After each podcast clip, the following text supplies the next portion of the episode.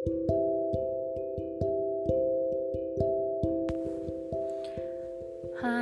welcome ဒီနေ့ music sharing လုပ်ပေးခြင်းတဲ့အကြောင်းအရာတစ်ခုကရုတ်တရက်ဖြစ်သွားတဲ့အတွေ့တစ်ခုပေါ့နော် မင်းဒီနေ့စင်တာတစ်ခုကိုတွားတယ်စင်တာတစ်ခုရောက်တဲ့အချိန်မှာ CD မက်တစ်ခုကိုလည်းအထဲဝင်ဖြစ်တယ်ပေါ့ CD မက်တစ်ခုကိုရှောက်ပယ်ရင်းနဲ့ discount ချနေတဲ့ပစ္စည်းလေးတွေကိုတွေ့တယ်အဲ့ discount ချနေတဲ့အထဲမှာမှပဲခောက်ဆွဲပေါ့နော်ပဲခောက်ဆွဲတစ်ခု discount ချနေပဲခောက်ဆွဲရဲ့ဈေးနှုန်းလည်းလူတိုင်းအကုန်လုံးသိကြပါ2000ဝန်းကျင်ရှိကြတယ်အတီးကပြောချင်တာမေးစင်းရဲ့အကြိုက်ပေါ့နော်မေးစင်းကပဲခောက်ဆွဲကိုအနစ်နဲ့စားရတာ ကိုကြိုက်တယ်အဲ့ ready made ပဲခောက်ဆွဲတွေကိုအနစ်နဲ့စားရတာကြိုက်တယ်အမောင်းနဲ့စားရတာလုံးဝမကြိုက်ဘူးအမောင်းနဲ့စားရင်ခတ်တက်တက်ဆိုတဲ့အရာတာကိုရရတဲ့မေးစင်းလုံးဝမကြိုက်တဲ့တရားအမောင်းနဲ့ပဲခောက်ဆွဲဆိုလုံးဝလုံးဝမကြိုက်တဲ့အရာပေါ့နော်ဒါပေမဲ့ discount ချနေတဲ့အရာကိုကြည့်လိုက်တော့မေးစင်းကင်လဲကင်ကြည့်တော့သူကအနစ်မဟုတ်အမုတ်ဖြစ်နေမေးစင်းစိတ်ဝင်သားဘလောက်တောင်နေစဉ်စိတ်ဝင်စားတဲ့အရာဖြစ်လဲဆိုရင်တထုပ်ဝယ်ရင်တထုပ်လက်ဆောင်ပေးမယ်ဆိုရင်တော့မဒီဘက်ခောက်တယ်မေးစဉ်လုံးဝဝယ်ဖို့စိတ်ကူးမရှိတဲ့အရာ အဲ့လိုအရာတစ်ခုက तू ကဘယ်လို discount ချလဲဆိုတော့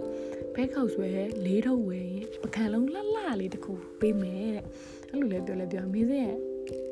လုံးဝလုံးဝဒီဘက်ခောက်ဆွဲကိုလုံးဝလုံးဝမကြိုက်တဲ့အာယုံတွေအားလုံးဟာဒီပကံလုံးစီလျှောက်သွားပြီးတော့ဒီပကံလုံးရဲ့ဆွဲဆောင်မှုနောက်လိုက်သွားတယ်ဒီပကံလုံးရဲ့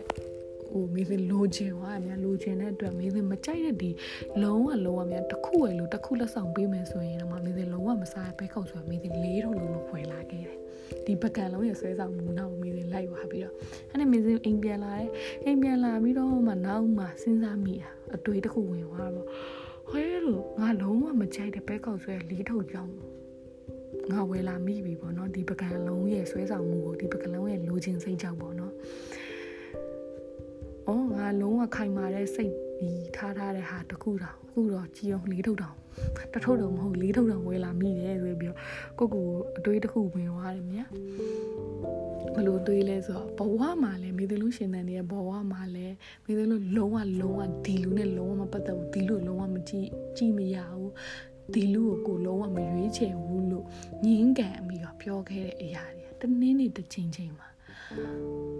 ကိုကိုဆွဲဆောင်နိုင်တဲ့အရာတခုသူ့စီမှာရှိသွားရင်မကြိုက်ပါဘူးလို့ညင်းတာခဲ့တဲ့အရာတွေကိုမေ့ပြီးတော့အဲ့ဆွဲဆောင်မှုနောက်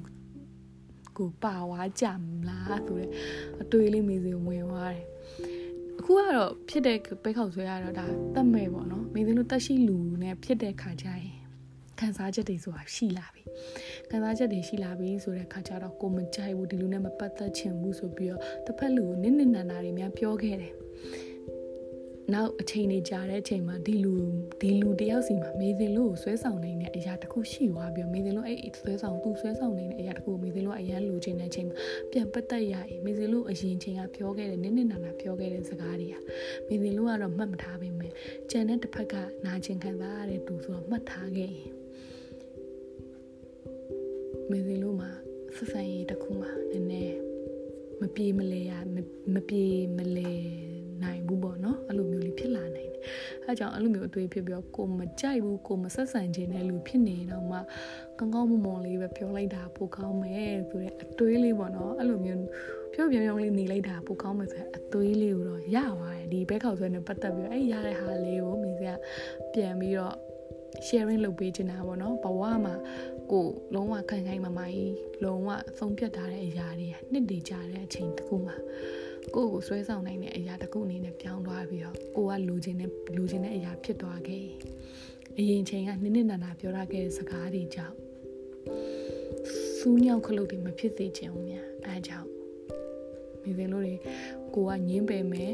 ကိုကမဆက်ဆံခြင်းဘူးဆိုရင်တော့မှတစ်ဖက်လူကိုမနစ်နာစေတဲ့စကားလေးသုံးပြီးတော့မိသင်တို့တွေပြောကြတာပို့ပြီးတော့ကောင်းမယ်ဆိုတဲ့အတွေ့အလေးတစ်ခုရတာပါတယ်အဲ့ဒါကိုမိသင်မျှဝေပေးတာပါနားထောင်ပေးတဲ့အတွက်လည်းအားလုံးကျေးဇူးတင်ပါတယ်